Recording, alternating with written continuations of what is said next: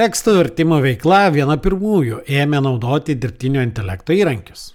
Tačiau vertimų verslas tuose įrankiuose didelio pavojaus savo verslui nemato. Šio epizodo svečias Mindaugas Kazlauskas prieš 19 metų pradėjęs vertimo verslą ne tik jį susistemino, užaugino, bet ir kasdieninį valdymą perdavė kolegiams, pats atsitraukė nuo kasdieninio verslo valdymo. Šio epizodo metu Mindaugas pasidalins savo patirtimi, kaip taikyti standartizavimą dirbant su kūrybiniais darbuotojais. Taip pat kviečiu pasižiūrėti Mindaugo pristatymo, kaip standartizuoti orą.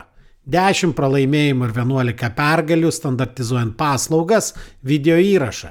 Nuorodą į šį video rasite epizodo aprašyme.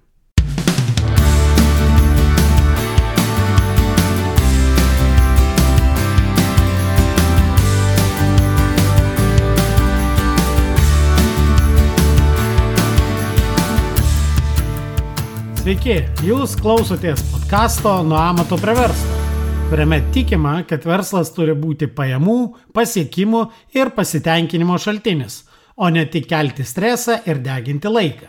Sveiki, ir vėl jūsų ausinėse aš, šios laidos autorius ir vedėjas, verslo konsultantas, treneris ir efektyvumo fanatas Nerius Esnavičius. Jūs klausotės 59-ojo tinklalaidės epizodo. Šiandien svečiuose turiu vertimo kompanijos Synergium vadovą Mindaugą Kazlauską, su kuriuo pasikalbėsime apie tai, ar galima standartizuoti orą, pakalbėsime apie tai, kaip gyvena paslaugų verslas, su kokiais iššūkiais su juo susiduria ir apie dirbtinį intelektą, nes kaip dabar šiais laikais galima šnekėti apie verslą, nepaliečiant dirbtinio intelekto, ypač turint omenyje, kad toje sferoje, kurioje veikia Mindaugo bendrovė, na, dirbtinis intelektas naudojamas saliginai jau pakankamai seniai. Labas, Mindaugai. Labas. Mindaugai, trumpai papasakok įprastinę tą istoriją, kurios aš klausiu e, visų savo svečių, kaip atsitiko, kad toks verslas atsitiko? E, taip, tai iš karto dar kol neužmirščiau, tai sak, e, pataisysiu taip švelniai, kad e, jau nebesu vadovas, esu savininkas, nes vadovavimą perdaviau savo ilgametėms kolegiams. O, pradžiopsojau. taip, taip, taip. Čia, taip, taip, taip, taip. Tai taip, galima sakyti, galima sakyti, jau pavyko įgyvendinti tai, apie ką daugelis e, verslininkų svajoja. Taip, taip, taip, nes buvau vadovas, e, buvau specialistas, e, buvau amatininkas labai daug metų, na, o dabar jau esu pagaliau oficialiai verslininkas, toks jau, kuris daugiau tik verslininkas. Tai čia ne visi tai sugeba, kiti būna vadovais ir verslininkais visą gyvenimą ir, ir, ir net neįsivaizduoju, kaip galbūt kitaip. O kaip atsitiko, tai Na, atsitiko tai prieš maždaug 18-19 metų, tai buvo labai labai seniai, buvo visai kitokia situacija, Lietuva visai kitokia, konkurencija visai kitokia, na ir, ir, ir toks, tai praktiškai klientai vis prašė vis daugiau ir daugiau, ten tų vertimų vienokių, kitokių, technologijų vienokių, kitokių, tai kad net neturėjau kitos išeities, kaip tą verslą tik tai auginti, nes buvo tokia paklausa, kad, wow, Dabar jau tikriausiai reikėtų su konkurencija milžiniškai kažkaip, kažkaip, kažkaip, kažkaip jau užsiminėti, jau gintis, o tada tiesiog buvo tokie, nu, tokie laukiniai vakarai. Tai buvo patogus laikas iš tikrųjų atsitikti tam verslui.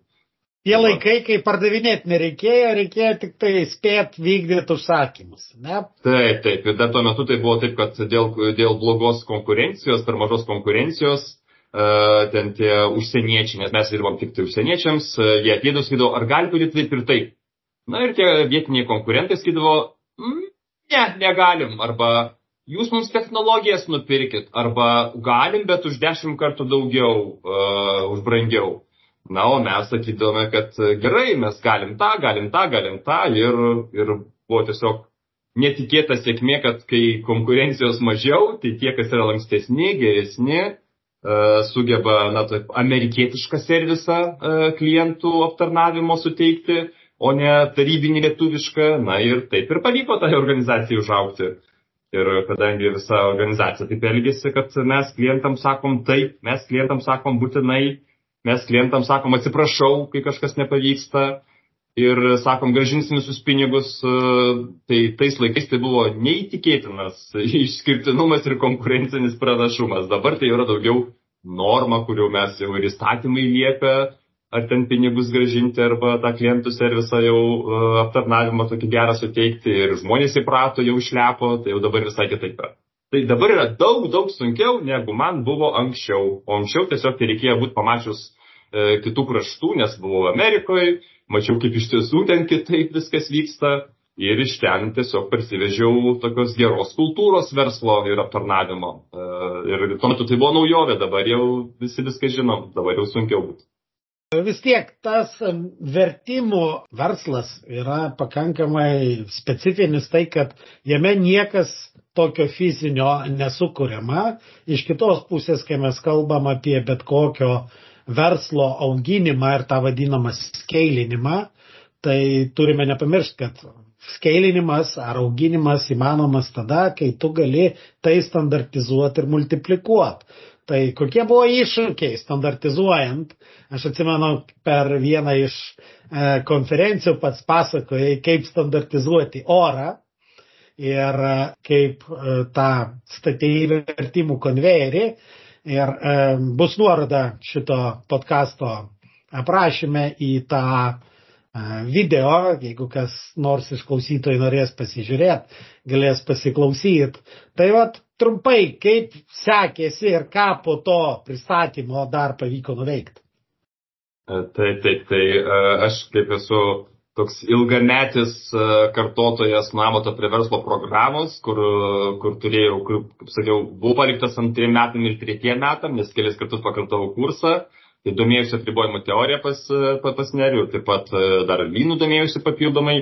Tai man buvo aktualu, kaip čia galima kažkaip sistema, sistemiškiau pasižiūrėti į, į viską, nes e, atsibodo tos problemos, jos atsitinka ir kažkaip, e, na, net sunku kitam kartu išvengti, jeigu ten kažkokia vyksta magija, kad va įvyko žmogaus paslauga ir kur ta paslauga įvyko, pavyzdžiui, būtų koks nors kirpėjas, tai ten būtų keli kirpėjai ir ten tai vienam bloga šukuosena išeina padaryti, tai kitam, kitam klientui ir kodėl čia, ar kliento šukuosenos, tos plaukai e, nukalti, ar, ar gal kitokius naudoja ten tos standiklius arba ten dažus e, šukuosenų. Kur problema, kaip galima, na, taip sukontroliuoti, kad ateityje tai nenutiktų. Na ir ką mes darėm, tiesiog su, taip pagalvom, kad gerai, čia magija, magija vyksta, bet juk Tai nėra kažkoks fokusininkas iškatas vertėjas, kuris žongliruoja ten 12 kamoliukų, ten daro kažkokius triukus, ten juk netriukai, ten viskas vyksta kompiuteryje. Ir tam kompiuterį yra kažkokios stadijos. Yra gavimo stadija to užsakymo, ten toje gavimo stadijoje galbūt vyksta klaidos, nes gal kažkas ne, visus, ne visas instrukcijas atsiuntė iš kliento pusės. Gal projektų vadovas ten kažkokios neperdavė informacijos iš ankstesnio projekto panašaus. Tai vis tiek jeigu įvyko klaida, galbūt toje stadijoje įvyko klaida. Tai jeigu mes, jeigu tą stadiją suprantam, kad, aha, va čia reikia kažkokio uh, full kito, uh, kalbant žargonų apribojimo teorijos, ar ne, kad uh, gal, gal kažkas turi viską sudėlioti, kad nieko nepritrūktų, uh, kaip kokiam nors paramedikui, kuris atvyksta pas pacientą, o žiūri, kad, oi, o taigi neštuvų, tai nepasiemėm, kaip dabar tą žmogų įkelti į, į greitos pagalbos automobilį Tai, tai kartais tiesiog viską taip nuobodžiai pagal čeklistų sudėlioji kitai grandžiai ir viskas. Ir jau toje, ir iš tos grandies klaidos į kitą grandį nenueina. Tai mes tiesiog labai susmulkinom įvairius procesus.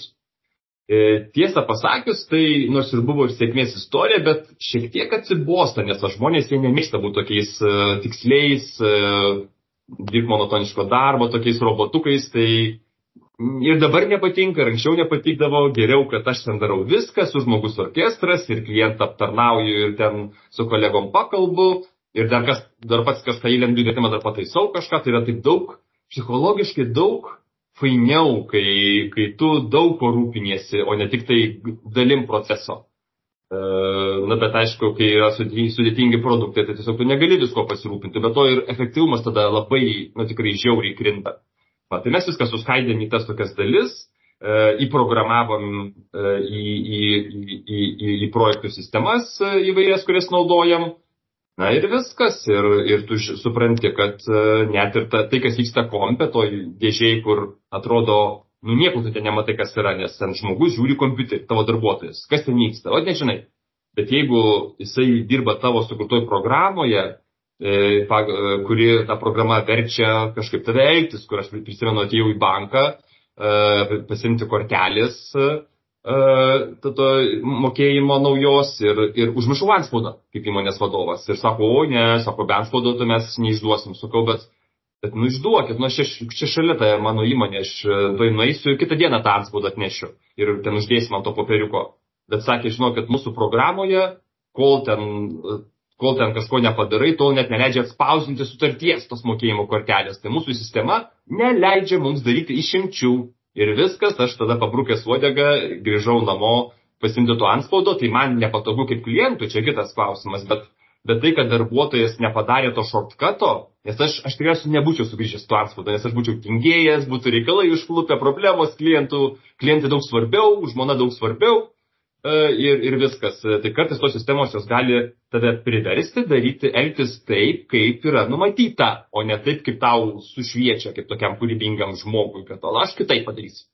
Taip, bet jeigu pasižiūrėt, taigi iš Toyotos gamybos sistemos ar tolino, tai yra tas vadinamasis principas pokajokė, kuris yra ne tai, kad tu kontroliuoji kokybę po to, o principas tai reiškia, kad tu neleidi tiesiog padaryti nekokybiškai. Taip, taip, taip, taip. taip. Tai todėl tas darbuotojas banko, kuris man neleido, uh, iš, žodžiu, nepateikti antspaudo, jisai vat, mane privertė mūsų iš karto, iš karto padaryti viską, o ne ten lysti skolą, kad aš kažkada vėliau užeisiu į banką ir ten tą antspaudą uždėsiu. Neuždėsiu ir neuždėsiu, nes žmogus kaip, kaip tas mažas vaikas, kuris mato žaisliuką, šalia, tada jisai su juo žaidžia, tą žaisliuką patraukia ir jau tas žaisliukas nebeegzistuoja tam tam kūdikėliui. Taip ir mes, nu kas aktualu, tą mes ir darom, o paskui neaktualu ir viskas, ir atidėliojam. Tai tas pokajokė tikrai puikiai suveikia, dėl to, kad buvo įprogramuotas į sistemą. Tai ir mes taip pat panašiai darėm su savo procesais. Bet buvo iššūkis, na, žmonių nelabai pasitenkinimas, ar sakykime, net nepasitenkinimas, bet, na, augantis efektyvumas. Ir jeigu tai pasižiūrėt, tai tiesiog, matyt, teko balansuoti, kad ir darbuotojai, ar ten kai kurie, kiek aš suprantu, vertėjai nėra jūsų darbuotojai, daugiau yra partneriai ar freelanceriai, bet kad ir jie būtų daug maž patenkinti, bet ir įmonės efektyvumas būtų patenkintas. Bet tas sistematizavimas ir e, robotizavimas, procesizavimas, būtent labai gerai, kai atsiranda robotizavimas, atsiranda tie dirbtiniai visokie robotai, dirbtinis intelektas, tai vat, mano klausimas yra, nes e, pakankamai dažnai, kai man reikia kažkokį tekstą greitai išsiversti, tai jau nebeieškai vertėjo, eini į vienokį ar kitokį vertimo puslapį, įmeti ir tau išverčia. Ir netgi dažnai visai neblogai išverčia. Tai vat, natūraliai kyla klausimas, o kaip dabar vertimo versle? Ar nėra taip, kad na, daugelis klientų jau sako, ačiū nereikia, mes versime su tais dirbtinio intelekto įrankiais. Iš kitos pusės, matyti, jūs ir patys daug dirbtinio intelekto įrankių jau pas save išnaudojat vienaip ar kitaip.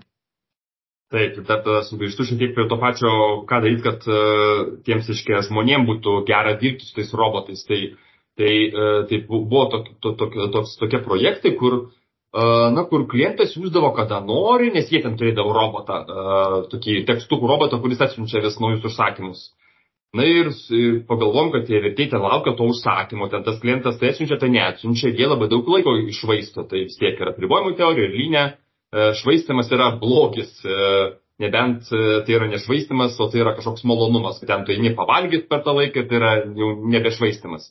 Tai, su, tai sugalvom, kad aha, konvejeris yra geras dalykas, bet konvejerį žmonės nemėgsta, nes konvejeris taigi tau ateina na, kažkokia prekė, tai tu turi su ja dirbti. Ateina, vėl turi dirbti. Toksai tave nu, prievartauja tas robotas, tas konvejeris. Bet yra, o, o jeigu taip iš priešingos pusės pasižiūrėjus, kad tai yra tiesiog ne konvejeris, kur tu privalai dabar tą daryti užsakymą, ten mažesnį, didesnį, o tai yra konvejeris, kuris tau atneša kaip koks kurjeris į namus tą užsakymą ir tu kada nori, tada dirbi. Bet tu neprivalai dirbti tada, kada jau tas robotas tavo duris pasibeldė arba kurjeris. Tai e, ką padarėm, eliminavom švaistimą, kad e, įvairios robotizacijos ten sistemėlės, o tais laikais, vat, e, ten matyti klausytojai, kurie tą įrašą mano seną pristatymą žiūrės, tai buvo toks gana, gana senas tas įrašas. Čia dabar jau automatizacijos labai daug visur yra, o tada dar nebuvo labai daug.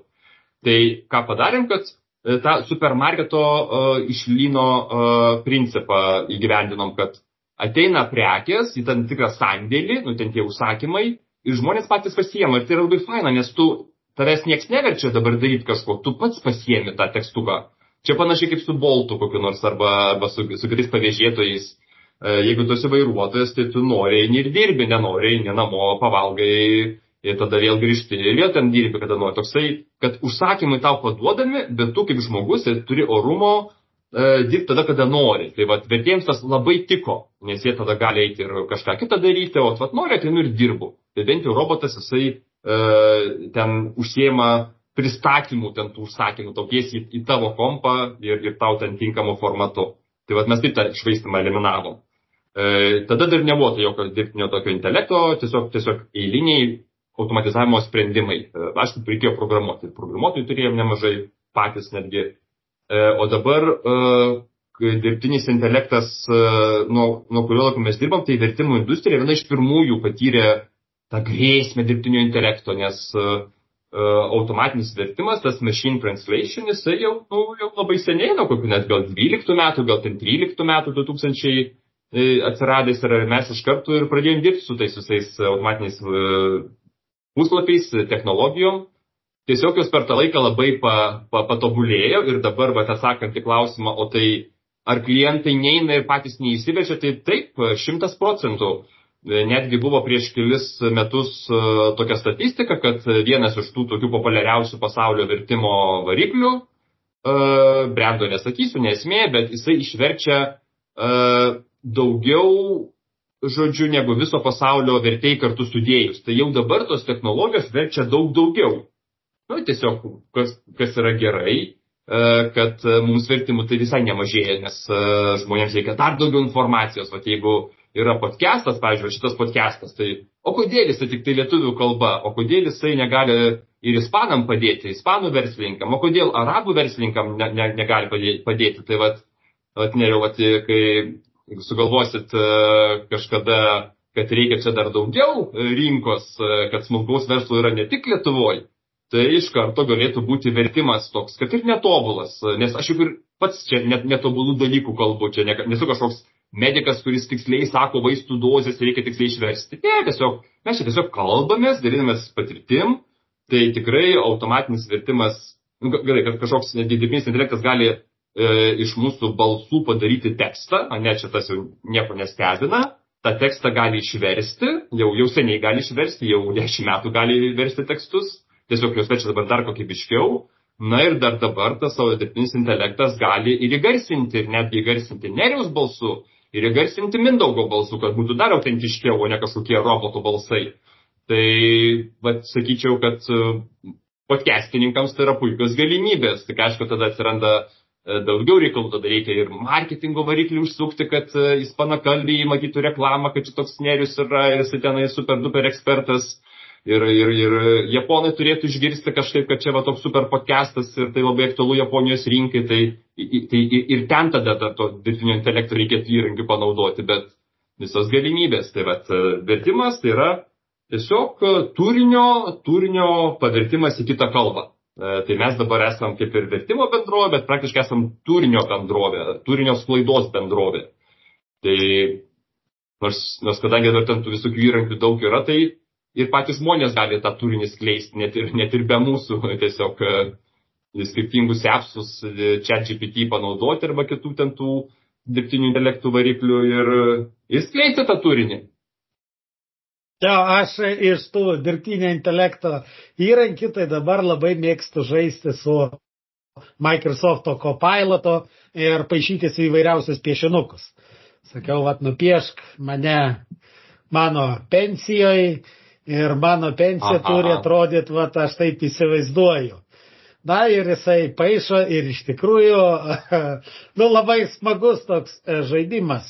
Aišku, tenka išmėginti įvairiausius įrankius, bet man jie įdomus ne konkrečiam ten vienos ar kitos užduoties atlikimui, o aš vis stengiuosi suprasti, kaip tie įrankiai reikšmingai gali pakeisti kompanijų strategiją, sukeisti, suteikti didelius konkurencinius pranašumus, nes pats įrankis nebūtinai jisai teikia tą konkurencinį pranašumą.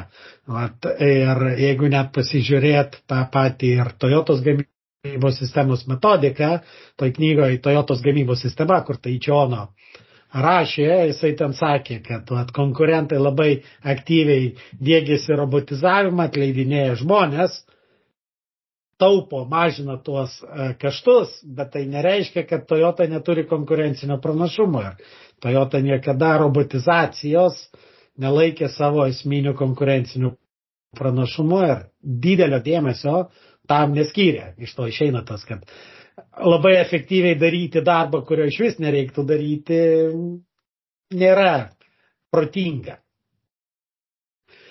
Tai e, vėlgi, dabar vat, atsiranda tie įrankiai, bet vis tiek jūsų darbas su žmonėm, kokie dar vat, patirtys, iššūkiai, e, kokie galėtų būti patarimai kitiem žmonėm, kurie, kitiem verslininkam, kurie veikia irgi paslaugų sektoriui.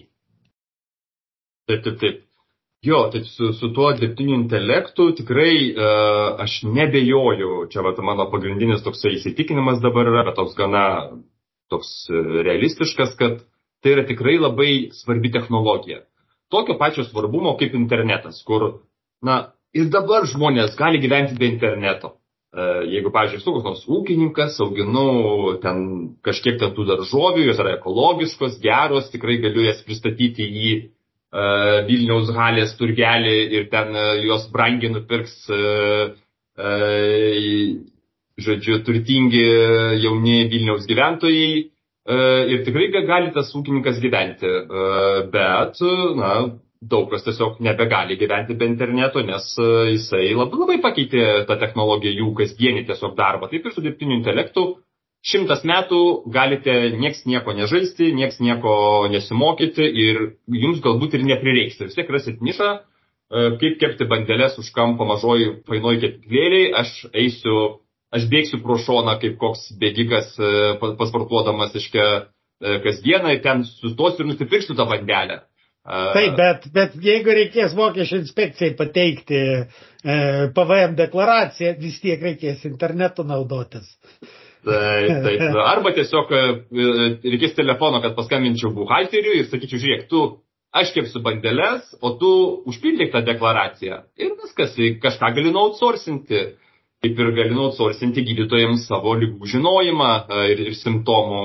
Ir ten neprivalai visko žinoti. Bet, bet tie, kas vis dėlto e, nori būti, išlikti jauni ir, ir visom prasmėm, tai tikrai verta žaisti kasdieną su, su tuo dirbtiniu intelektu. Aš kasdieną net sakyčiau, net ne tai, kad žai, aš nežaidžiu, e, pavyzdžiui, ten rūpinosi ten sveikata dabar, ten yra man įdomių tokių temų, ten visokie sportai. Ir aš e, pasiti, pasikonsultuoju su pratingais, nu, bet ne žmonėmis, nors žmonėmis jeigu konsultuoju, klausau podcastų įvairių ekspertų, e, kaip ir vat, busimi arba sami verslininkai klausosi šito podcast'o.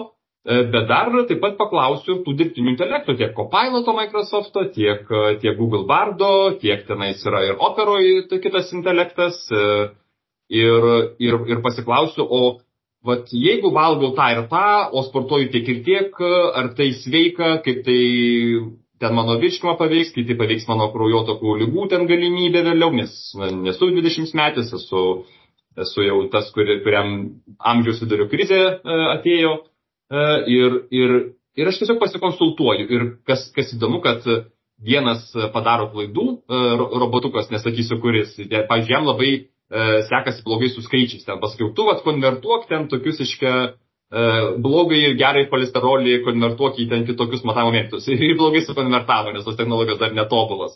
Bet tada eini pas kitą, tai jau paško, ten tą gerai teko pilotą, ir tada jisai ten kažkaip kitaip pakonvertuoja. Ir tu tada gali kaip žmogus, kuris daro sprendimą, nuspręsti, kuris iš jų čia tau geriau patarė. Tai jeigu žmonės e, googlinasi ir ieško patarimų internete, jeigu jie ieško patarimų podcastuose, YouTube arba kažkur kitur, Spotify, kitose platformose, taip pat dabar gali dar vienoje vietoje gauti patarimų. Ir jeigu tu eini pas kažkokį konsultantą, arba draugą, arba kažkokį mentorių, klaus patarimo, tai kodėl tu negali tiesiog net kėlęs užpakalio nuo kėdės paklausyti dar dviejų nemokamų konsultantų, ten čia GPT, Copiloto, ten Google Bardo. Tai e, čia tą patarčiau visiems padaryti, tiesiog aišku, e, išmoks žmonės kartu ir teisingai tas užklausas užduoti, nes jeigu nais pas konsultantą, sakysi, žiūrėk, reikia, kad uždirbčiau daugiau pinigų, ką daryti. Duos tas konsultantas tą patarimą, sakys, žiūrėk, tu didink pardavimus arba mažink kaštus ir va taip uždirbsi daugiau pinigų. Bet jeigu aprašyti savo situaciją taip tiksliau, kad įsivaizduok, kad va čia turiu tris darbuotojus, mes esam kepiklėlė, uh, pardavinėjame tik tai druskininkų gyventojams, bet vat, kažkaip labai sunku, ypač su sezoniškumu, nes yra vat, sunku rasti darbuotojų, ką man daryti. Ir galbūt tas, tas jau konsultantas, kaip meninis, bardas arba kopiltas pasakys, kad aha, tai tavo verslas sezoninis. Vasarą būna turistų, ten jie perka tos tavo ten šakočius, e, o žiemą nieko neperka. Tu gal žiemą kažkokį kitokį verslą užkur, kad ten atsivertų tą, tą sezono sviravimą. Ir tai, tai tiesiog klauskim tų intelektų, tegul jie mums patarė, o mes kaip žmonės su savo patirtim galim spręsti čia naudosiu to patirimu, nesinaudosiu, bet, kaip sakant, e, nesigūglinti informacijos, nesiklausyti podcastų arba dabar neklausti konsultacijos ten to dirbtinio intelekto, tai yra tiesiog, na, tok tinginystė tokia, tai galim tingėti, bet, nu, bus mažiau nuomonių, mažiau, mažiau, mažiau brandus tie sprendimai kažkur skaičiau, kad e, iš esmės galima būtų padaryti dirbtinio intelekto vadovą, ta prasme, direktorių. Tačiau vienas smulkmena - atsakomybė. Mes vis dar, žinai, manom, kad jeigu vat, žmogus patarė, tai vat, mes galėsim bent jau per sąžinę jau užvažiuoti ir kad yra kažkokia atsakomybė. Kur atsakomybė dirbtinio intelekto? Taip visada tas noras, žinai, vis surasti, nu, kas kaltas, nu, šiek tiek perkelti tą savo atsakomybę, bet kai mes kalbam, kad vat, žaidžiam, aš dėl ko vadinu tai žaidžiu, tai kadangi tai nėra kažkokiai funkcijai darbui atlikti, kurie uždirbs pinigus, tai tai galima vadinti žaidimu, tai galima vadinti eksperimentu, tai galima vadinti mokymusi bet tai nėra, kad aš jau pilnai ar kažką įdarbinau tą dirbtinį intelektą, bet iš tikrųjų aš netgi sakyčiau, tai labiau pakeis pasaulį negu internetas. Tam prasme, internetas labai smarkiai pakeitė verslą, kaip ir elektra. Kažkada elektros atsiradimas labai reikšmingai pakeitė pasaulį ir tai pakeitė, kad mes dabar net nesusimastom apie elektrą, mes jau nebesusimastom apie internetą. Prieš 20 metų dar internetas buvo prabanga ir panašiai. Dabar, kaip sakoma, atjung žmogų nuo interneto, nu tai didžiai, didžiai daliai čia vos ne kaip oro trūkumas. Tai pakeitė, aišku, tai e, ne tik technologiškai pakeitė ir psichologiškai, ir, ir, ir elgsenoj, bet lygiai taip pat, matyt, pakeis e, Dar kaip pakeis, net nežinom, pakeis verslą. Tai kokie vat, pačio, kaip sakant, mąstymai vat, jūsų versle? Arba apskritai. Taip, taip.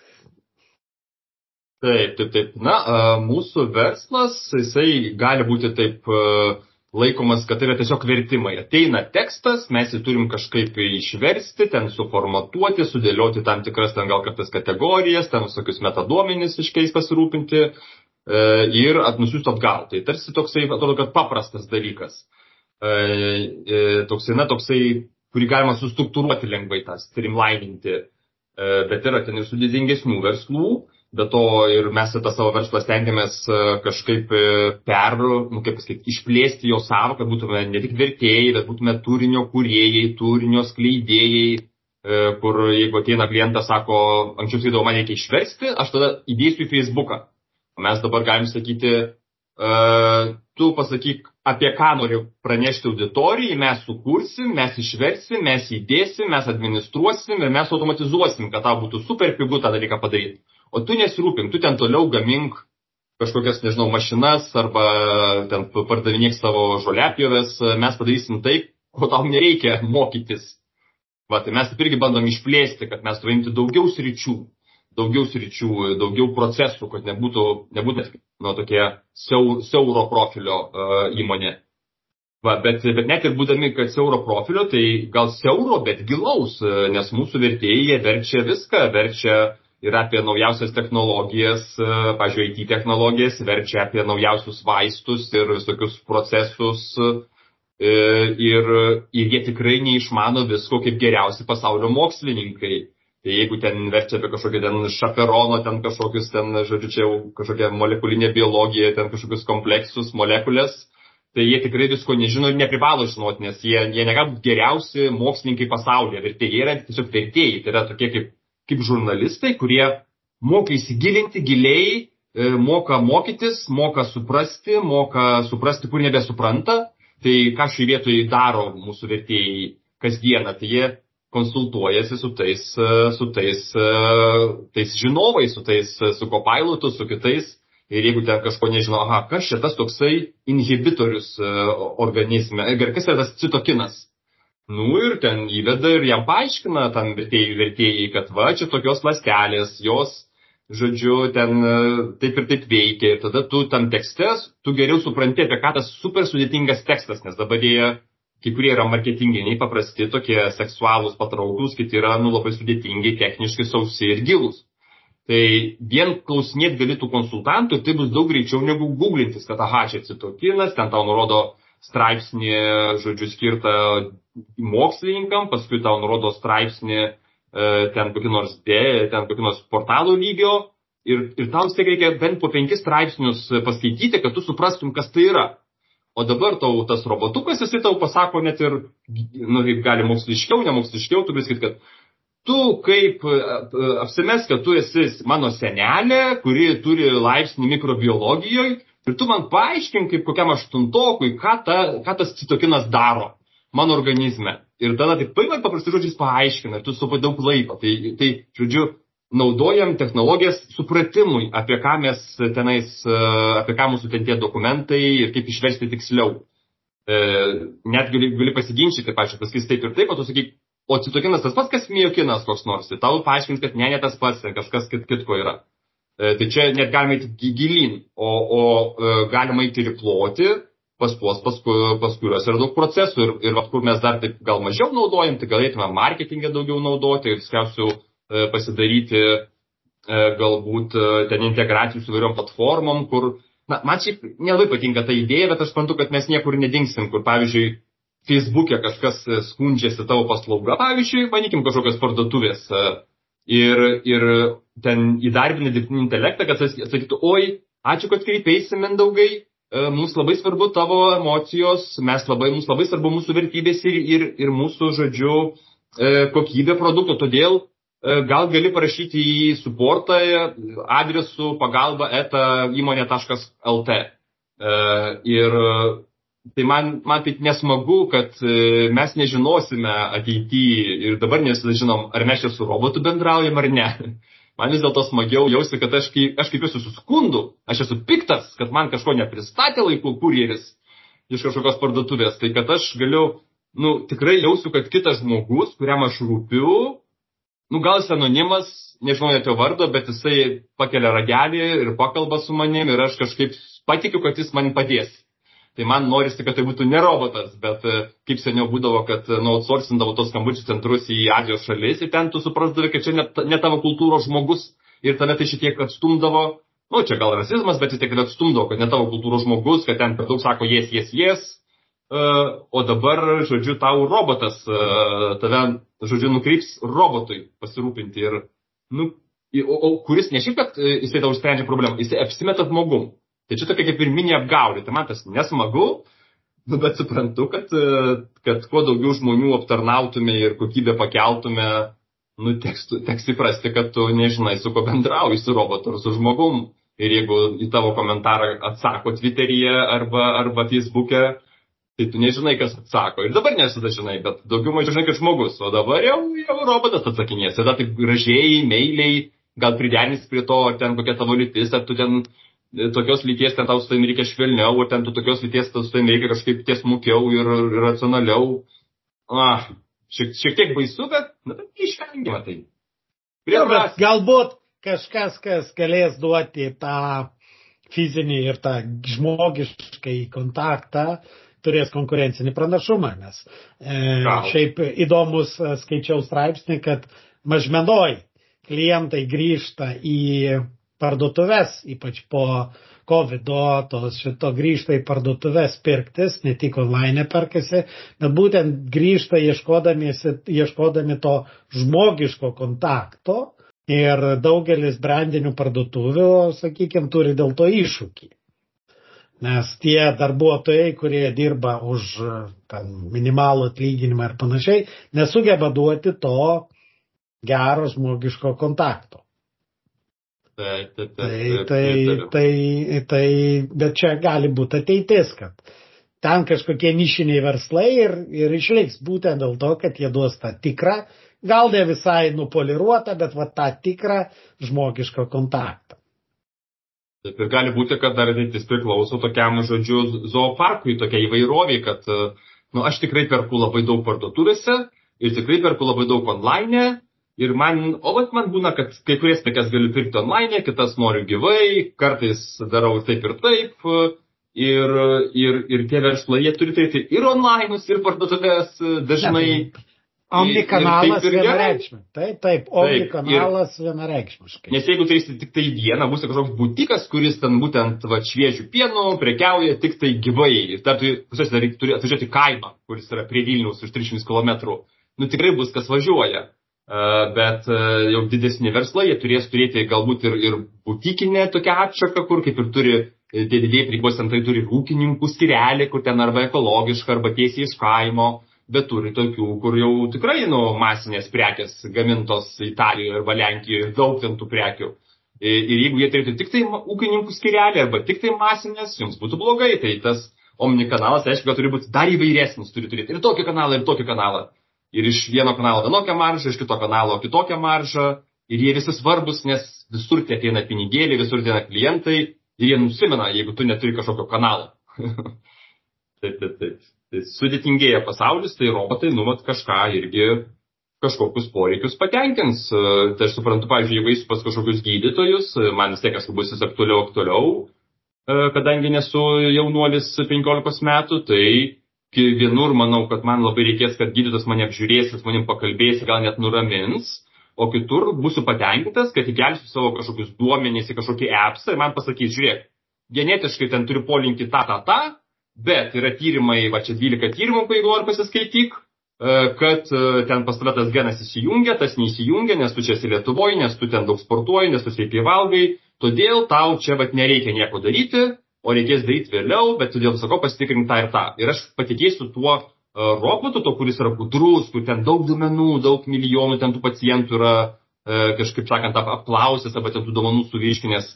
Tačiau pasitikėsiu labiau negu vietinių gydytojų, kuris galbūt tiek duomenų neturi, jis gal turi patirti kažką kitko vertingo, bet, bet man reikės ir EPSO, to tokio nežmogiško, uh, super, super proto ir reikės žmogaus, kuris turi kitas kompetencijas. Visko reikės.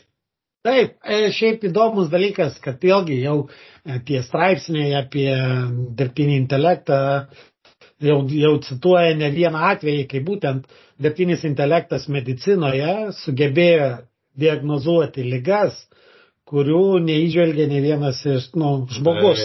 Todėl, kad vis tiek tam tikrą prasme diagnozavimas yra e, didelio kiekio duomenų ir statistinių duomenų apdorojimas, išvelgimas sąryšių koreliacijų ir panašiai. Tai kad mes e, e, tą dirbtinį intelektą naudosim jau kuo toliau, tuo dažniau. Bet kadangi vėl laikas mus spaudžia, reikia tilpti į, į, į tą laiką, aišku, apie dirbtinį intelektą ir tas patirtis būtų galima šnekėti labai daug. Bet e, vis tiek, vat, apibendrinant, mano tas įprastas klausimas, vat, kokią vieną svarbiausią mintį norėtum, kad klausytojai išsineštų iš šito mūsų pasikalbėjimo? E, taip, tai panašiai kaip e, įsivaizduokime, kad e, dabar vat, atsirado naujas dalykas, vadinasi internetas, ir mes apie jį dar nežinojom, tai gali bijoti, bet gal geriau tiesiog imti ir pasitikrinti, o kuo tas naujas baisus dalykas tau gali praversti.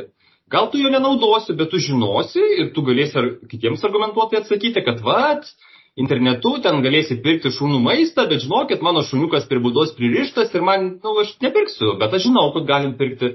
Taip ir su to dirbtiniu intelektu būtinai pažaiskit, Na ir, ir kas gali, tai net ne tik pažaiskit, kad ten kažkokius tekstukus susikurkit arba patarimų gaukit iš tų robotų, bet ir versle arba savo kažkokio veikloj panaudokite.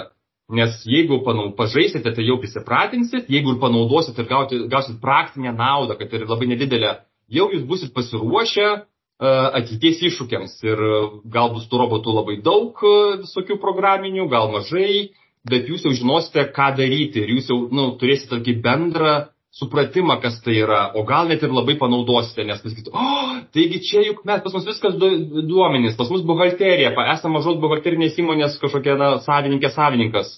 Tai va čia duodi tas sąskaitas ir iš karto tas dirbtinis intelektas viską skaitmenizuoja ir suveda į, į programą E, buhalterinė. Tai wow, čia iš karto mano buhalterį gali padaryti daug daugiau, ne, ne, ne vieną klientą, o 15 aptarnauti per tą patį laiką. Pasirodo. Tai būtinai eksperimentuokite, iš pradžių pažaiskite, kad būtų smagu, bet po to būtinai gaukite bent šiokią tokią naudą, nes aš, aš garantuoju, kad kiekvienas žmogus gali gauti šiokią tokią naudą iš to dirbtinio intelekto, bet jūs turite patys paieškoti, kurioj srityje arba kuriuose darbuose, ar versluose, ar tiesiog darbuose, naminiuose darbuose, jums tai e, praverstų. Tai būtinai pradėkite žaisti, o vėliau ir eksperimentuoti ir gauti konkrečią praktinę naudą. Kad ir 10 gramų tos naudos, bet kad būtų ta nauda. Pradėkite jaukintis tą dirbtinį intelektą. Taip. Taip. Na ir kur e, patį galima surasti, jeigu klausytojai norėtų daugiau pasišnekėti, pasi, E, nežinau, su, užsisakyti ir vertimo paslaugas, ar tą, sakykime, turinio galbūt net labiau valdymo paslaugas. Taip, na, šitoj vietoj, kadangi mes čia net ir be dirbtinio intelekto e, turim nusprendę, kas yra mūsų klientas, tai negalim iš mūsų paslaugų užsisakyti, e, nebent esate iš užsienio. Tai va, tai dėje nepadėsim, bet gal kokie darbuotojai vat, norės pas mus dirbti, tai E, tiesiog e, mane rasite linketinę, aš aktyvaus turinio kažkokio nekuriu, straipsnių nerašau, tai, bet jeigu kažkas mane pakalbins, tai mielai pasidalinsiu patirtim, papasakosiu ar, ar apie įmonę, ar apie sektorių, ar apie apskritai, ką su turiniu daryti. Tai toks nesu aktyvus podcastininkas, bet mielai pabendrausiu, nes man žmogiškas ryšys vis dar svarbus. Tai ačiū Mindaugai iš tikrųjų už tą smagų pasišnekėjimą, už tą energiją ir padrasinimą eksperimentuoti su uh, dirbtiniu intelektu. Ir dėkui klausytojam, kad klausėtės ir iki kitų susigirdėjimų. Iki. Užbaigiant epizodą, primenu, kad galite peržiūrėti Mindaugo pristatymo, kaip standartizuoti orą 10 pralaimėjimų ir 11 pergalių standartizuojant paslaugas video įrašą. Šį įrašą galite rasti internete adresu www.amverklubas.lt pakrypęs brūkšnys Mindaugas. Taip pat nuorodą į šį video galite rasti epizodo aprašyme. Dėkoju, kad klausėtės. Ir nepamirškite užsiprenumeruoti šį podcastą, kad visuomet gautumėte informaciją apie naujausias laidas. Taip pat būsiu labai dėkingas, jei įvertinsite šį podcastą palikdami atsiliepimą savo įprastoje podkastų platformoje.